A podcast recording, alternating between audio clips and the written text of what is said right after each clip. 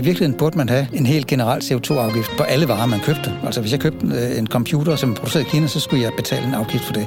Men det er jo noget, der kræver en øh, WTO, altså World Trading Organization, beslutning om, at man vil gøre det upfront. Og det er jeg ikke helt sikker på, at der er politisk øh, opbakning til, men det er i hvert fald noget, jeg mener, der burde være. Du lytter til Stemmer fra Amar. En podcastserie om Danmarks tættest befolkede ø, om dem, der bor her, og alt det, der vil ske med øen. Hvis du har hørt nogle af de forrige afsnit, bemærker du måske den fine nye musik. Den er lavet helt særligt til en miniserie i tre afsnit, som skal handle om fremtidens Amager. Jeg laver det i samarbejde med Amager Klima- og Demokratifestival. Det er en festival, der sætter fokus på lokale og globale udfordringer inden for klima, miljø og nærdemokrati. Denne miniserie handler om de klimaforandringer, som er på vej, og dem vi forsøger at undgå. Den handler om de politiske beslutninger, der bliver taget i klimaets navn. Men også om de lokale projekter og initiativer, der myldrer frem på øen. Og så handler den om os. Hvilken forskel vi kan gøre, og hvorfor vi skal gøre det. Denne mini-podcast-serie beskæftiger sig primært med den københavnske del af Amager. Jeg prøver dog så vidt muligt at fagne hele øen, for klimaforandringer kender ikke til kommunegrænser. Mit navn er Maiken Astrup. Velkommen.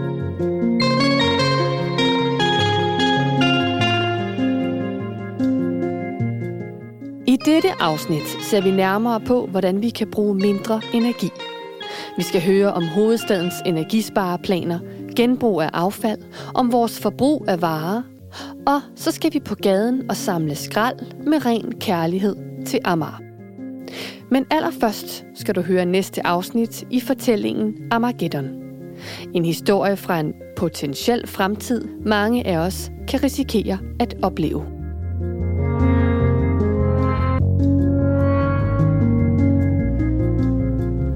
Jeg arbejdede hjemmefra stort set hele ugen. Jeg ved, at det er så elendigt, og, og bilen, ja, den, er, den er på værksted. Jeg gider ikke cykle, og da slet ikke tage metroen sammen med resten af Amager. At de overgår sikkert heller ikke det dårlige vejr. Nå, så jeg sidder der på mit kontor på første salen foran computeren og lægger egentlig ikke rigtig mærke til, hvad der sker omkring mig. Jeg bemærker bare, at det regner og blæser en hel del, så... Ja, min kone hun er taget på efterårsferie med ungerne, og jeg har en vigtig deadline, så, så jeg bliver hjemme og arbejder igennem.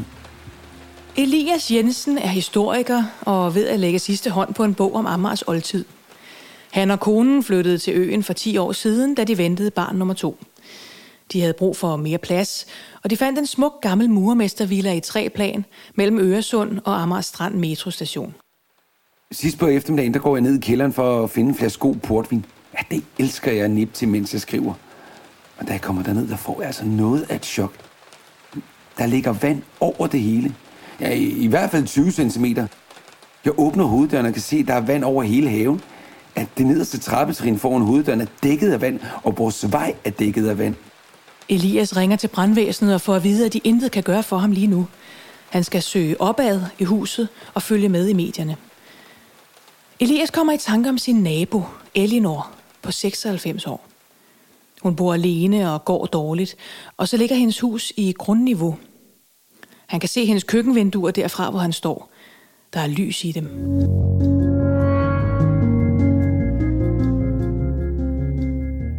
Inden vi går videre med fortællingen, vil jeg gerne byde dig velkommen. Du lytter til radioprogrammet Armageddon. Et program om nogle af de mennesker, der har været tæt på de storme og orkaner, der de seneste år har raseret Amager. I denne serie kommer du til at møde tre personer, der alle er til stede på Amager, da en storm sidste efterår fejrer ind over landet. Anna, Elias og Dortes historier er vidt forskellige, men de udspilles blot få kilometer fra hinanden. I dag fortæller Elias sin historie. Mit navn er Petra Mørk, og jeg er din vært i dag. Velkommen til. Jeg løber igennem vandet til hendes hoveddør og banker på. Døren er låst, og der kommer ikke noget svar. Men hendes hund Victor, den gør, så, så hun er helt sikkert hjemme.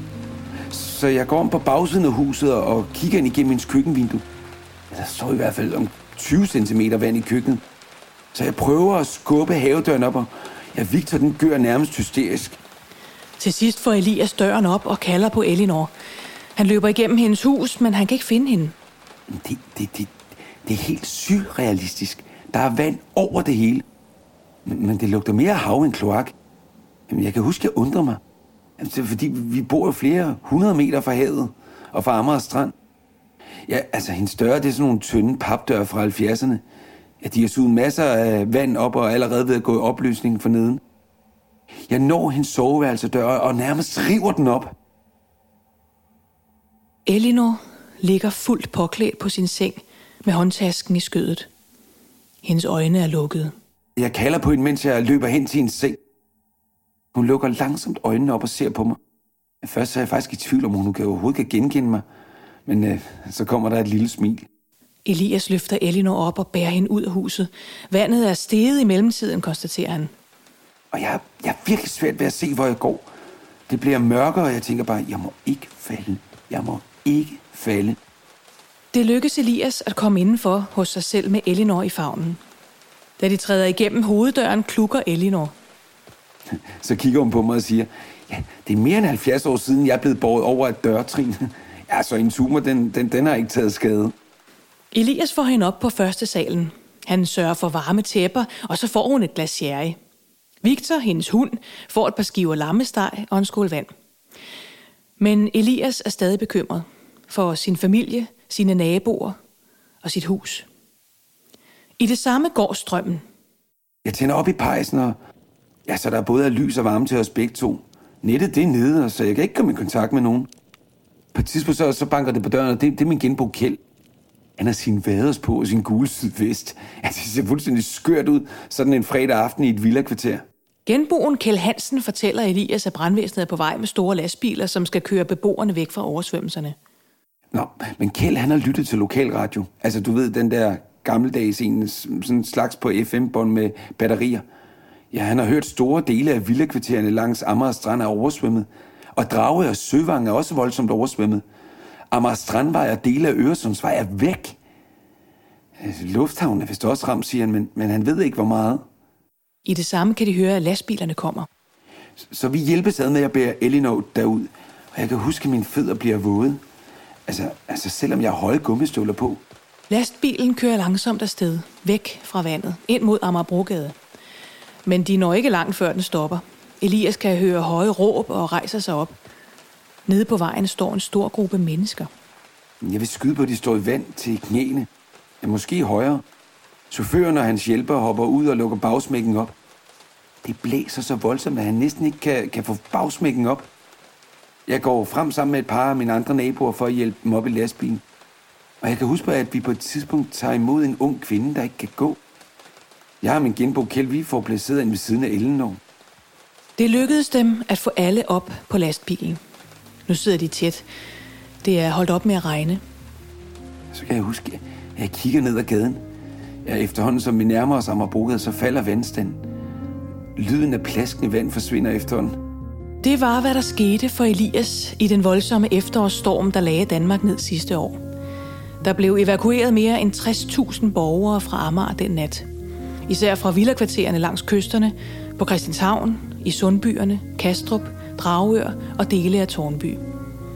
Meget få menneskeliv gik tabt den nat, men mange huse blev ødelagt.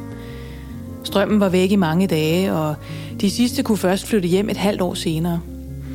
En del valgte ikke at flytte tilbage, men i stedet at slå sig ned på Sjælland i en af de nyindrettede klimasikrede landsbyer. Elias var en af dem. Mit navn er Petra Mørk.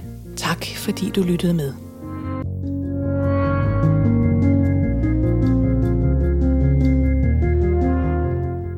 Det var andet afsnit i radiohistorien Armageddon.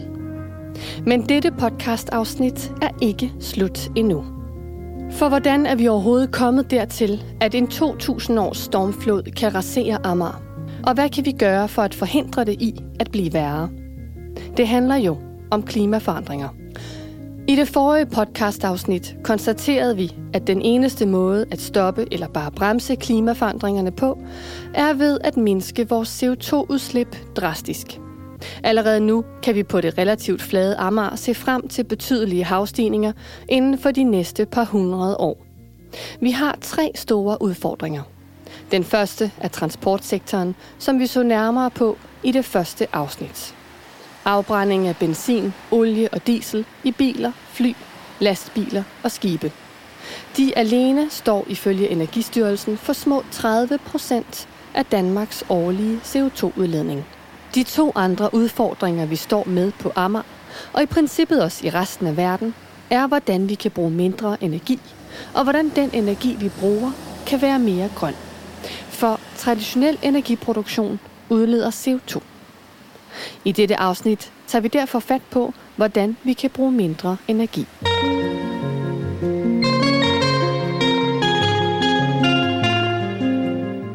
Det, der skal til, det er jo, at hver eneste dansker, de ting, de køber, som er produceret i Kina, som ikke tæller med overhovedet det danske CO2-regnskab, man skal tænke over det, så vi øh, hver især bidrager mindre til det CO2-udslip, der er. Når jeg køber en ny computer, som jeg har i min taske her, så er der jo kæmpe stor CO2 regnskab forbundet med den. Og det, og det gælder også, hvis jeg køber en ny Tesla, så er der også et kæmpe stort CO2-regnskab faktisk forbundet med bare at producere bilen, ikke? især batterierne. Rigtig meget af det, vi producerer, der er altså kul og olie involveret i det. Hvis vi kan købe varer, som har mindre CO2 aftryk, så vil det være for den enkelte på Amager i Danmark være et stort fordel. Du lytter til Ejgil Kås. Han er professor i klimafysik og atmosfæreforskning på Niels Bohr Instituttet på Københavns Universitet.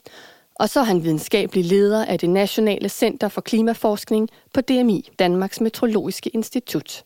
Først og fremmest mener han, at vi skal skære voldsomt i vores indkøb af varer, både fra fjerne himmelstrøg, men også i det hele taget. For med vores høje materielle forbrug og tilsvarende hurtige udskiftning af varer, ligger vi blandt de verdensborgere, der udleder mest CO2. Og som Michael Kås siger i starten af programmet, så vil han gerne have en CO2-afgift på alle varer, så prisen følger varens CO2-udledning. Han vil gerne gøre det helt klart for mig og dig, kære lytter, at vi med vores forbrug skubber til klimaforandringerne. Han finder Danmarks CO2-regnskab problematisk, da alle de varer, vi får fra udlandet, ikke tæller med i landets CO2-regnskab. Ligesom varer produceret i andre dele af landet ikke tæller med i Københavns CO2-regnskab. Selvom det måske er her, varen forbruges. Men Ejgil K. går også skridtet videre og understreger samtidig, at det er hans helt personlige vurdering, baseret på 40 års indsamlet viden. Nu er jeg ikke økonom, men jeg tænker, at vi skal måske tænke økonomi mere i en retning af forbrugsøkonomi, i den forstand, at øh, hvis jeg kan købe nogle ydelser, nu har vi koncerthuset her ikke så langt fra, hvor vi sidder, koncerter, gå til massage, ting, der ikke har så stort et CO2-fodaftryk, hvor vi stadigvæk bruger penge selvfølgelig, så vi har en økonomi, der kører på en lidt anden måde, som er mere servicebaseret. Så vi stadigvæk, som vi jo er, et meget rigt samfund. Men hvis vi gør det på en måde, hvor der ikke er så meget forbrug af varer, tøj, you name it. Så hvis du nu skulle komme med nogle øh, forslag til, hvad jeg kunne gøre for at være en god ven af klimaet? Isoler din bolig så godt som overhovedet muligt. Når din bil er kørt færdig, hvis du har en bil, og det vil sige, du skal ikke bare lige skifte den ud til en elbil med det samme, fordi der er meget produktionsomkostning. Men næste gang du køber bil, så er det en elbil, ikke? Du skal også sørge for, at når du spiser, skal du spise så meget vegetarisk som muligt. En anden ting, hvis du kan købe genbrugstøj, så gør det, fordi det koster også meget udslip, både vand og CO2-udslip, at producere tøj. Efterisolering af bygninger er altså første skridt. Mit eget hus har energimærke D. Det er bygget i 1915 og spiser fjernvarme til morgenmad. Det er altså ikke særlig energibesparende. Vi har hen over de sidste år efterisoleret både vægge og lofter. Det hjælper på vores varmeforbrug og varmeregning. Og så sparer vi på strømmen ved at bruge elsparepærer, installere LED-belysning og huske at slukke for de mange maskiner i hjemmet, så de ikke gasser sig i standby-strøm.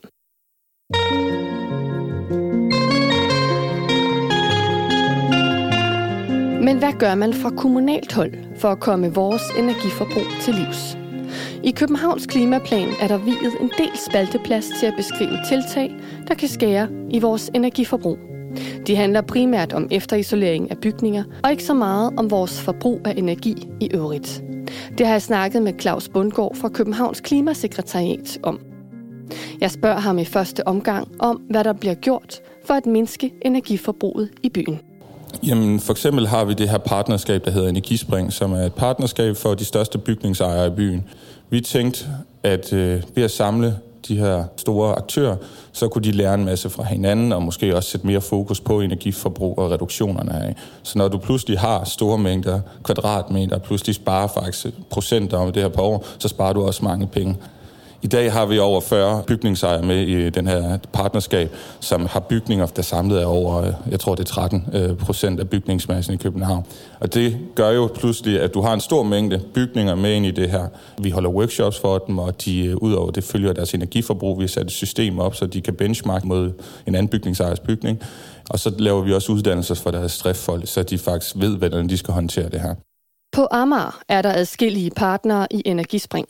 Fields, DR, Refshaleøens ejendomsselskab og Hofor, for at nævne nogle stykker. Udover det, så har vi selvfølgelig også fokus ude i områdefornyelserne, som er de her specifikke områder, hvor man nogle gange bruger kommunale og statslige penge på at løfte specifikke bydele, hvor vi sætter stor fokus på også at få energirenoveret de her bygninger, så når de engang laver renoveringer, som vi giver penge til, så skal de også gerne være energirenoveringer man løfter livskvaliteten i de områder, der er, og løfter bygningsmassen, og løfter måske endda pladserne mellem husene.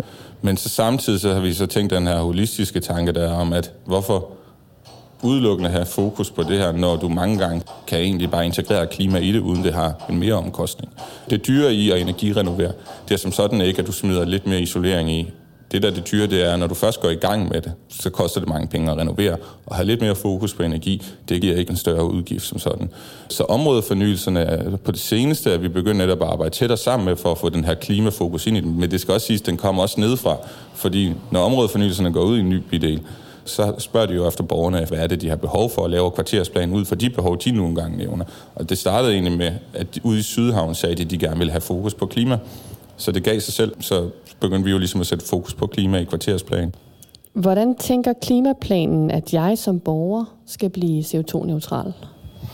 Den nuværende beregningsmetode, det ligger op af internationale standarder, hvor vi bruger noget, der hedder scope 1 og 2. Og det handler egentlig om ting, der bruges i byen og udledes i byen. Hvis der bliver produceret el uden for byen, så er det stadigvæk med. Men princippet, hvis vi fokuserer på kød, det er ikke meget kød, der bliver produceret inde i København. Det bliver produceret enten ude i de omkringliggende kommuner, Sjælland eller Jylland, eller så bliver det produceret et andet sted i verden.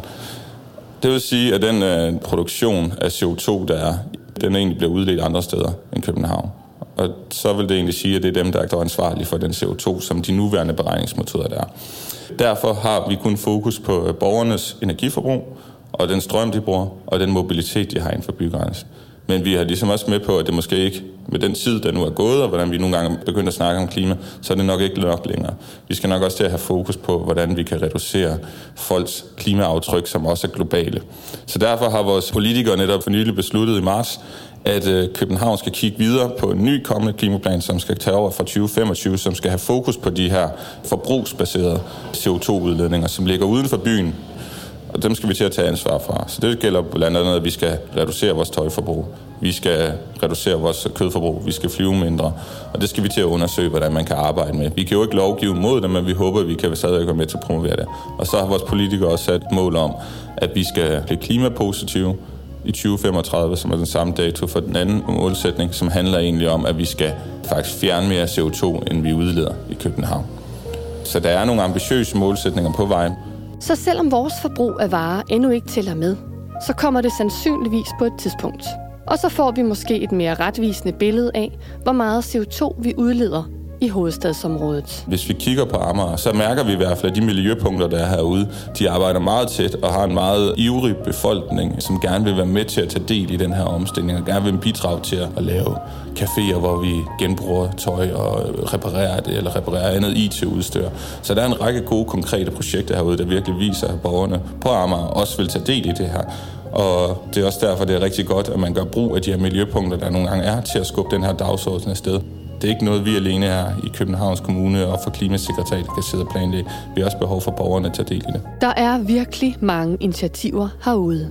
Tinkertank, for eksempel, er et værkstedsfællesskab på Hørhusvej i Hørgården, altså nær urbanplanen.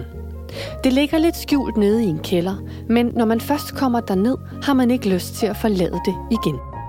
Her arbejder en masse mennesker med genbrug, reparation og kreation – nogle giver gamle rammer nyt liv, Andre polstrer møbler, maler eller indsamler rester af maling og deler det ud til folk, der trænger til at få malet, men måske ikke har så mange penge. Paint it forward hedder det. Og skal vi andre også komme derned og arbejde i deres værksteder eller nyde et måltid mad, når de har folkekøkken. Et andet sted, jeg benytter så tit jeg overhovedet kan, er Kofod skole. Det er et sted, hvor socialt udsatte kan mødes, reparere, bygge, kreere og arbejde med alskens projekter.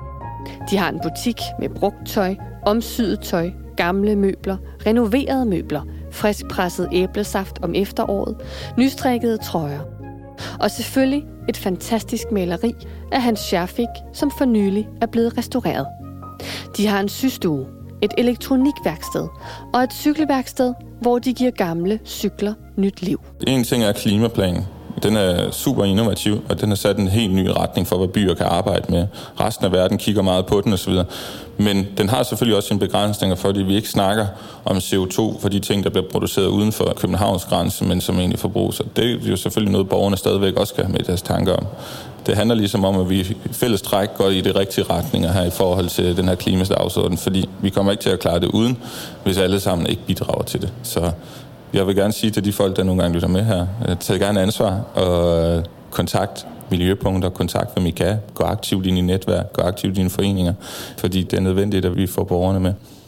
Så den kommunale klimaplan kigger faktisk mest på efterisolering af huse, når det handler om at spare energi. Vi skal selv gå skridtet videre, hvis vi vil købe klimavenlige varer.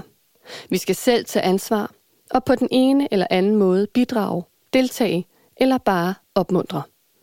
Vi forlader Claus Bundgaard og Klimasekretariatet for at gå en tur på gaden.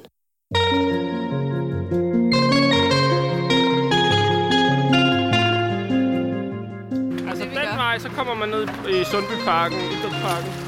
Ja, den vej, der kommer man jo bare hen mod Ørestaden, ikke? Og øh, ja, derop mod Amagerbrogade. Det der, det er sådan lidt for vildt så tænker jeg sgu rigtigt, der er noget at komme med. Vi tager nogle forskellige områder hver gang. Tænker vi herude, der bare ret meget skrald ned ad Peder Lykkesvej, og her, nu vi lige cykle derfra, det kan bare skrald over det hele. Hvad er det for en slags skrald? Ej, men det er skodder og cigaretpakker og øhm, plastik fra cigaretpakker. Altså, det er virkelig meget det. Og så er det alt muligt af papir. Folk smider deres bøgerpapir eller deres støner. Der er skraldespand, men folk er for dogne, hvis der er 100 meter væk. Eller 50. Det gider de ikke. Eller hvis det er over på den anden side. Så smider de det bare. Og så tænker jeg, at der er også meget, der blæser i det her vejr. Og jeg har set fugle, der bare hakker ting op, og så hjælper det heller ikke noget. Solen skinner ned over en lille flok amerikanere, der er ved at gøre klar til at samle skrald i de næste to timer. Helt frivilligt. Det gør de en søndag i måneden. Gruppen går under navnet Ren Kærlighed til Amager og koordineres over Facebook af Camilla Sonne Tide og Mark Grønlund. Og hvad gør I med poserne, når de er fyldte? Jamen, så bruger vi faktisk den helt almindelige kommunale affaldsvand. Smart. Altså, simpelthen, og hvis den så bliver proppet, så, så bruger vi den der tjeneste, der hedder gitprej. Man er jo med den tid, man kan lægge i det. Og hvor mange er I sådan cirka? Jamen, vi er øh, gerne fire faste. Mig, Mark, og så Peter og Erik, de to ældre her. De går hver dag ude på Christianshavn. De er meget seje. Men øh, i dag er vi sådan okay mange, synes jeg. Og om sommeren, så bliver det også bedre, fordi det, når vejret er godt, jeg tror i sommer, der havde vi 15. Jeg havde slet ikke nok af de der ting, og måtte give handsker og alt muligt. give min egen væk, sådan så at, øh, at de kan få. Det var meget fedt. Facebook-gruppen Ren Kærlighed til Amager har mere end 650 følgere og godt 20-30 aktive eller halvaktive. Jeg er nok en af de halvaktive, der har været med nogle gange og tvunget mine børn til at deltage.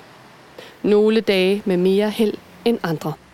Jeg kan ikke have at se byen i forfald nærmest med skrald. Så, øh, så jeg ser det lidt som en hobby. Og så ser jeg det sådan lidt som, et, øh, at vi alle sammen kan være et godt eksempel. Så hvis man kan sprede det budskab og få flere til at samle skrald, altså bare sådan en skrald om dagen, et stykke, jamen det synes jeg vil være, det er en god investering i min tid. Det er også en dejlig måde at komme ud på. Og, og vise mine børn, at det her ikke er i orden, at der ligger skrald. Det synes jeg, det er værd. Øh, så meget tid bruger jeg heller ikke. Jeg bruger to timer om søndagen. Og så en lille smule tid på Facebook, men det, det tænker jeg slet ikke over. Synes du, der er for få skraldespande på Amager? Ja, nogle steder. Øh, men jeg ved også godt, hvorfor. Og det er, fordi der nogle steder er mange private veje. Og så stiller de ikke skraldespand op. Så er det øh, beboerne, der har øh, pligt til at feje op, men det gør de ikke altid. Det gør de nogle steder. Jeg vil, så jeg vil helst tage private veje, fordi det er der det værst. De der små fejemaskiner, de skal nok komme i løbet af, af, af ugen. De kan bare godt komme for sent, hvis det blæser meget, og det flyver af hængefelt til. Der er meget, der sådan er gravet langt ned, og det er jo plastik, og det er plastik, der smuldrer med tiden. Altså, det smuldrer til, til ingenting, og det kan jo nærmest ikke få op. Så skal du tage hele jorden med. Så jeg tænker også, at det er jo fugle, der spiser lidt i det, og de der små øh, flamingokugler og sådan noget. Før jeg støder ind i ren kærlighed til Amager, er skraldeopsamling noget, jeg foretog som barn til spejder. Og jeg må indrømme, at jeg heller ikke har lagt mærke til, hvor meget skrald der faktisk ligger på gaden, før jeg får en snapper i hånden af Camilla. Rundt omkring er folk i fuld gang. I hvert fald 8-10 personer går med hver sin grønne skraldepose og en snapper, så de ikke behøver at bøje sig ned efter skraldet. Jeg prøver selv at samle cigaretskøjder og hvide snusposer op med den. Det er ikke nemt. Længere nede møder jeg Michelle. Jeg synes, det er et virkelig godt initiativ, og jeg synes tit, at man går rundt og kigger og tænker, hvis jeg nu havde sådan nogle snapper til at tage op med, så kunne man tage rigtig meget, når man bare gik rundt. Bor du på Amager? Det gør jeg, ja. Hvor længe har du gjort det? Hele mit liv, sådan cirka. Jeg elsker at bo på Amager. Det, jeg har altid sagt, det er Amager eller udlandet. Men, øh, men nu er det Amager. Ja. Folk smider så meget skidt alle steder, og det er rart en gang imellem at kunne hjælpe med at samle det op igen. Jeg er opdraget med, at øh, hvis du har et stykke skrald, så har du det i lommen, indtil du kommer til en skraldespand, og så smider du det ud. Det er der jo ikke alle, der er. Så her der kan man hjælpe med for alle dem, hvor de ikke er opdraget til det. Mellem et par biler finder jeg Buster og hans mor, Maria Grønlund. De er dybt engageret i at fange skrald under bilerne. Jeg synes, det er lidt sådan ikke så godt, at folk gør det her med jorden. Og det er ikke rigtig så fedt, at alt det her sker. Nej, det er lidt klamt, sådan alt det her, ikke også, Buster? Mm. Det var en cigaretpakke, og så de værste, det er dem her, de her dåser, de er der så lidt... Åh, oh, prøv her. Kan du tage den nu, B? De er lidt fladmæste. Og hvorfor er I med til det her? Det er, fordi min far tvinger os til det. Men du synes jo også, det var lidt et problem, ikke? Ja, og det gør vi også nogle gange i skolen, hvor vi tager handsker på, og så går vi ud. Der er sådan en skov, vi går ud i ved en legeplads, hvor vi går ud, og så tager vi skrald op. Og så tager vi det hjem, med hjem, og så smider vi det ud. Mm. Hvorfor er det vigtigt at rydde op hos dig? Fordi at så, hvis man nu så, så jeg rydder bare lige i morgen, ja. og det så kan ske for jorden, hvor at man ikke kan, så kan folk ikke leve, fordi der er så forurenet, og så bliver luften dårlig, og klimaet, og øh, mm. grundvandet, og det der. Det, det har du ret meget styr på, synes jeg. Ja, jeg ved ikke, om det er, fordi vi har lært det, eller det er bare en masse YouTube-videoer. Så det tænker du også en del over? Ja, en del. Og det gør vi også meget over i klassen. Når vi sådan ser nyheder. Vi ser sådan nogle nyheder på DR Ultra. Ultra nyt. Altså, vi har fundet en dåse, en pose, en vandflaske. Øh, vi fandt også en stor papkasse, som bare lå op i en, på toppen af en busk derovre. Ja, så har vi faktisk fundet tre øh, sprutflasker, ikke, Buster? Ja, ja, de er meget. Det er dem, der fejrer hernede i bunden. De er helt tomme. tomme. Og en metalstang har vi også fundet. Ja, jeg fandt den. Og sugerør. Masser af sugerør. Det er noget af det værste, ikke? Ja.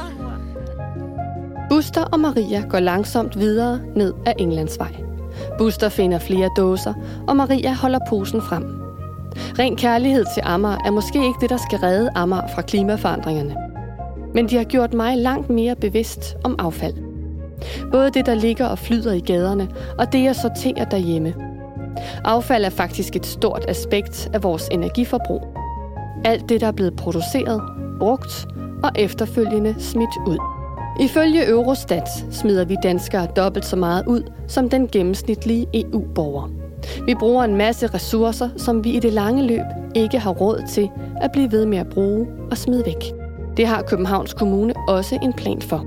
En cirkulær plan faktisk, som fokuserer på, at vi skal genbruge vores affald. Få mere ud af det, om man vil. Altså udover, at vi generelt også er nødt til at skære vores forbrug ned.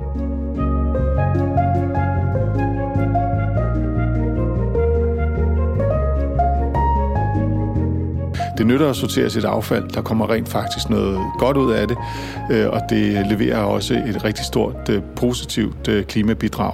Fordi så snart du genanvender noget affald, så skal du ikke lave nye produkter. Så det er meget energimæssigt og miljømæssigt bedre at oparbejde ressourcerne fra affaldet, i stedet for at høste de vegine ressourcer, de jomfruelige ressourcer. Så det er der store klimagevinster i. Jeg står sammen med Jakob Hartvig Simonsen. Han er direktør for Amager Ressourcecenter, det der også kaldes Amager Bakke, eller Amagerforbrændingen, som det hed før i tiden. Amager Ressourcecenter tager sig alt det, vi smider ud. De sorterer det, bearbejder det, sender det videre til anlæg, som sorterer og genanvender. De sidste led i forsøget på at minimere vores energiforbrug og sikre, at så meget som muligt kan genanvendes. Og det, de ikke kan genanvende, det brænder de af i to gigantiske ovne og laver om til fjernvarme. ARK er et fælleskommunalt øh, affaldsselskab. Vi øh, står for håndtering af affald i øh, fem kommuner i det store københavnske område. Kommunerne København, Frederiksberg, Tornby, Dragør og Hvidovre. Der hjælper vi kommunerne med at levere løsninger til borgerne alle steder, så de nemt og enkelt kan komme af med deres affald. Amagerforbrændingen stod færdig i slutningen af 80'erne og skulle brænde alt det affald af, som man tidligere havde smidt på åbne lossepladser. Blandt andet på Ammerfældet. Det skulle være slut nu.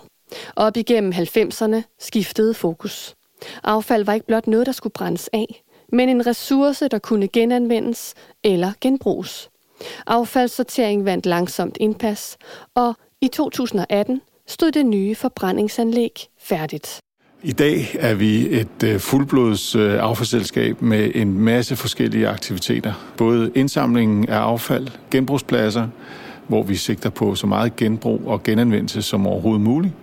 Så har vi et omlasteanlæg, vi har et lille plastiksorteringsanlæg, vi har deponi ude på Avedøre Holme, vi har et farligt øh, affaldsanlæg ude på Prøvestenen, og så har vi også energianlægget her på Vindmøllevej. Så vi har sådan set tentaklerne med i alle former for affald. Vi har 10 genbrugsstationer i de øh, fem kommuner, og så har Københavns Kommune også syv nærgenbrugsstationer hvor man øh, ikke kan køre ind, men hvor man går ind med sit affald og kan bytte affald, så vi kan få ressourcerne ud i kredsløb igen. Det er lovpligtigt for kommunerne at sortere affaldet i 10 fraktioner. Plast, pap, papir, metal, glas, bioaffald, tekstiler, haveaffald, farligt affald og restaffald. Tekstiler er seneste skud på stammen og endnu ikke helt rullet ud. Så indtil videre kan vi aflevere det i en genbrugsbutik eller på genbrugspladsen. Imens mange af de andre fraktioner i høj grad kan genbruges, så er det mere komplekst og vanskeligt med plastik. Ikke mindst fordi genanvendelsesanlæggene ligger i udlandet. Plastik fylder jo en masse og vejer ikke særlig meget. Så øh, det, det handler om for os, det er jo at optimere, hvor meget vi kan få transporteret per gang. Så det, det sådan set handler om, det er at presse plastikken sammen, sådan at vi kan få mere på lastbilerne. Så hvor bliver det transporteret hen? Det bliver transporteret ned til nogle store plastiksorteringsanlæg øh, nede i Tyskland, og når de så har sorteret det, så transporterer de så en del af det videre til nogle oparbejdere. Plastik er jo meget komplekst og meget sammensat produkt, og noget af det, det kan ikke genanvendes, så det vil blive brændt. Så først så komprimerer I det, og så er der nogen, der skiller det ad igen for at sortere det? Ja, det er fuldstændig rigtigt. Det er jo mekanisk sortering. Vi får rigtig meget plast fra borgerne i områderne. Desværre har meget plastik en kvalitet, der gør, at den ikke kan genbruges. Og det skal vi selvfølgelig have sorteret fra, sådan at vi kan få miljøbehandlet det på en rigtig god måde. Kan du komme med nogle eksempler på den gode slags plastik? Den gode slags øh, plastik er en enkel plastik, for eksempel en plastikflaske. Fordi det er et enkelt type materiale. Det er PET hedder det, og det er ret veldefineret. Så hvis man har en stor mængde PET, er det ret enkelt at genanvende den. Det, der er rigtig dårlig plastik, det er, når det er laminater, altså flere forskellige typer plastik smeltet sammen. PET og PE og andre typer. Og alle plastiktyperne har forskellige kemiske og fysiske egenskaber, og kan derfor ikke genbruges sammen. Man kan jo godt forestille sig, hvis det ligesom er limet sammen, eller er laminater og sådan noget, så kan man simpelthen ikke flå det fra hinanden, så man kan få det genanvendt. Og det er det, er det dårlige plastik. Det har vi simpelthen rigtig svært ved at få genanvendt. Så det skal miljøbehandles. Er det for eksempel sådan noget plastik, når man kører en, øh, to bøffer nede i øh, en, et supermarked, så har du ligesom en bakke i bunden, som er noget relativt hårdt plastik, og så har du noget lidt blødere sådan folieplastik, som du kan rive af for oven? Ja, øh, man kan sådan set godt genanvende de to øh, typer hver for sig, men det kræver jo så en lænder, hvor man får det bløde plastik for oven af og sorteret i en bunke, og det hårde plastik på bakken i en anden bunke. Og så kan man sådan set godt genanvende bunkerne hver for sig. Men man kan jo godt forestille sig, at det kræver altså en del øh, mekanik og en del øh, indsats at få det i to veldefinerede bunker. Og det er faktisk øh, en af de store udfordringer, som vi jo arbejder med. Så i princippet så burde vi faktisk sortere plastik i forskellige typer af plastik. Ja, det kan man godt sige, men øh, hvis man skulle det, så skal du nærmest have en, en større ingeniøruddannelse, ikke? fordi plastik er ikke bare plastik. Der er syv hovedgrupper af plastik, og rigtig mange undergrupper, og rigtig mange farver og alt muligt andet, så vi taler om 100, måske tusindvis forskellige typer plastik. Det kan vi simpelthen ikke bede borgerne om. Så det vi siger, det er, jamen, vær venlig at sortere dit plastik. Når du så har sorteret det fra alt det andet, så sørger vi for, at det bliver delt op i de forskellige plastiktyper, sådan at vi kan sikre den bedst mulige genanvendelse af de forskellige typer plastik. Hvor meget af det plastik, som vi afleverer til jer i dag, bliver så genanvendt? Altså, du spørger om, hvor meget der rent faktisk bliver oparbejdet til nye produkter. Det ligger faktisk ikke på mere end næsten 30 procent af det, som du afleverer. Det er fordi, at plastik er uhyre komplekst og meget sammensat, og rigtig mange af de produkter, vi omgiver os med, desværre består af mange forskellige typer plastik i sig selv. Så konklusionen er i virkeligheden, at vi skal holde op med at bruge plastik? Ja, hvis man kan holde op med at bruge plastik, så vil det faktisk være rigtig ganske udmærket. Jeg synes måske også, at man skulle sende bolden videre til plastikproducenterne, for at sige, at når de nu laver plastikmaterialer, kan de så ikke bare lave det af én type plastik? Så er det meget, meget nemmere at oparbejde til nye produkter. Så hvis de venligst kunne gøre det, så vil det også give langt bedre mening, at du og jeg står og sorterer plastik derhjemme. Og så er der det bionedbrydelige emballage, som jeg ser hos flere og flere takeaway-steder. Det er heller ikke så lige til, som det virker. Selvom jeg kan købe en god kop kaffe i en bionedbrydelig kop, så kan jeg ikke nødvendigvis smide den i biospanden. Nogle typer nedbrydes kun meget langsomt og har brug for høj varme for at igangsætte den biologiske nedbrydning. Og så nytter det jo slet ikke noget, hvis koppen ryger i en almindelig skraldespand.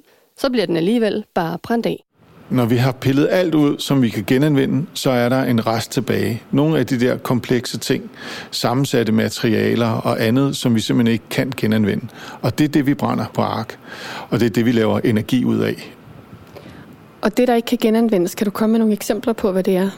Jamen, øh, for eksempel en blæ, det kan man jo godt se for sig, at øh, den består både af plastik, mange forskellige typer plastik, og så er der jo noget organisk materiale i, øh, som er leveret af en eller anden.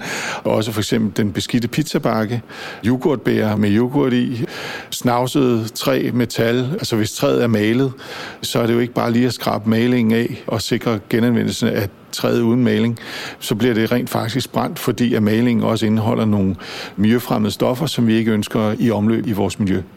Øh, og den rest, som der ikke kan blive til nye materialer, det er jo ideen, at den skal der blive mindre og mindre af, fordi vi gerne vil genanvende mere og mere.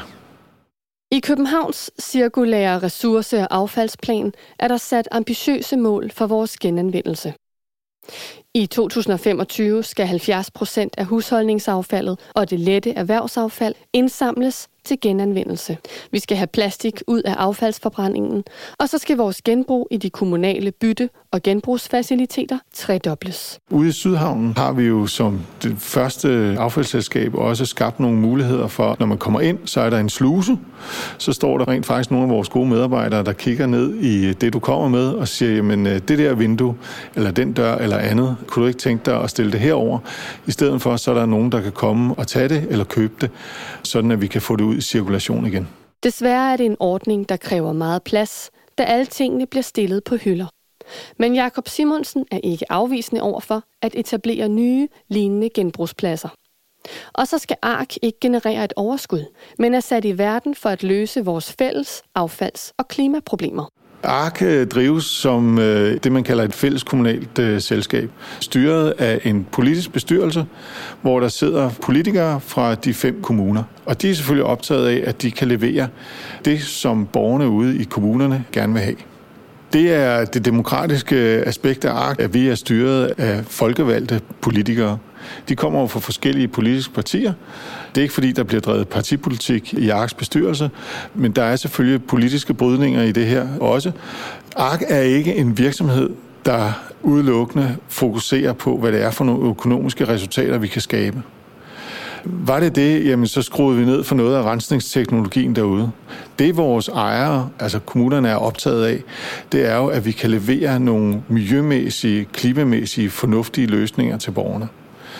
Vi skal håndtere affaldet derude på den bedst mulige måde, med det lavest mulige klimatryk og med den bedst mulige miljømæssige performance. Det er vores opdrag. Så der er en grund til, at man ikke længere officielt kalder det Ammerforbrændingen. Det handler stadig om at brænde affaldet af i to gigantiske ovne, men måske endnu mere om at genbruge de ressourcer, vi efterhånden har færre og færre af. De udslip, vi har af CO2 på Amager, er måske ingenting, når vi sammenligner os med resten af verden.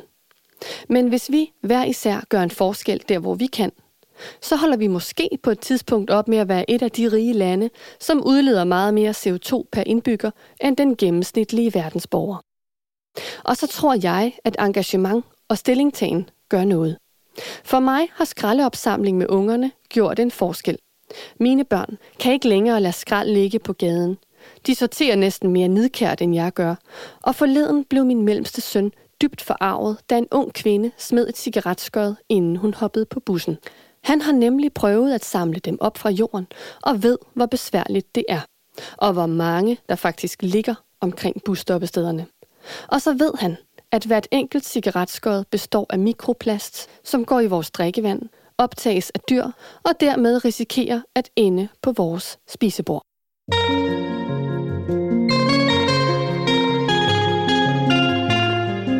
Det var andet afsnit i en miniserie, som jeg laver i samarbejde med Amager Klima- og Demokratifestival. En festival, der undersøger lokaldemokratiets muligheder for at påvirke klimatiltag og modvirke klimaforandringer. Det sidste afsnit handler om grøn energi på Amager. Om vindmøller på prøvestenen og energi i affald. Du får også det sidste kapitel i sagaen om Armageddon. Jeg vil gerne rette en særlig tak til skuespillerne fra Amagerrevyen, som lægger stemmer til Armageddon. I dette afsnit hørte du Anders Åmand Anderskov lægge stemme til Elias Jensen, imens Mille Berg spiller verden Petra Mørk. Amagerrevyen har premiere i marts måned 2022 på Teater Play. Podcasten er optaget og klippet sammen med mig, Maiken Astrup. Mastering-tekniker er David Runø fra Branch Out Sounds. Musikken er lavet af komponisterne Jeppe Lauritsen og Philip Ovusu. De lyde, jeg ikke selv har optaget, kommer fra freesound.org. Amager Klima- og Demokratifestival har en hjemmeside www.akdf.dk og en Facebook-side. Stemmer fra Amager har også en Facebook-side og en hjemmeside, stemmerfraamager.dk. Her kan du finde de tidligere afsnit og se de mange spændende steder, fotografen Rikke Colburn har indfanget med sit kamera. På genhør.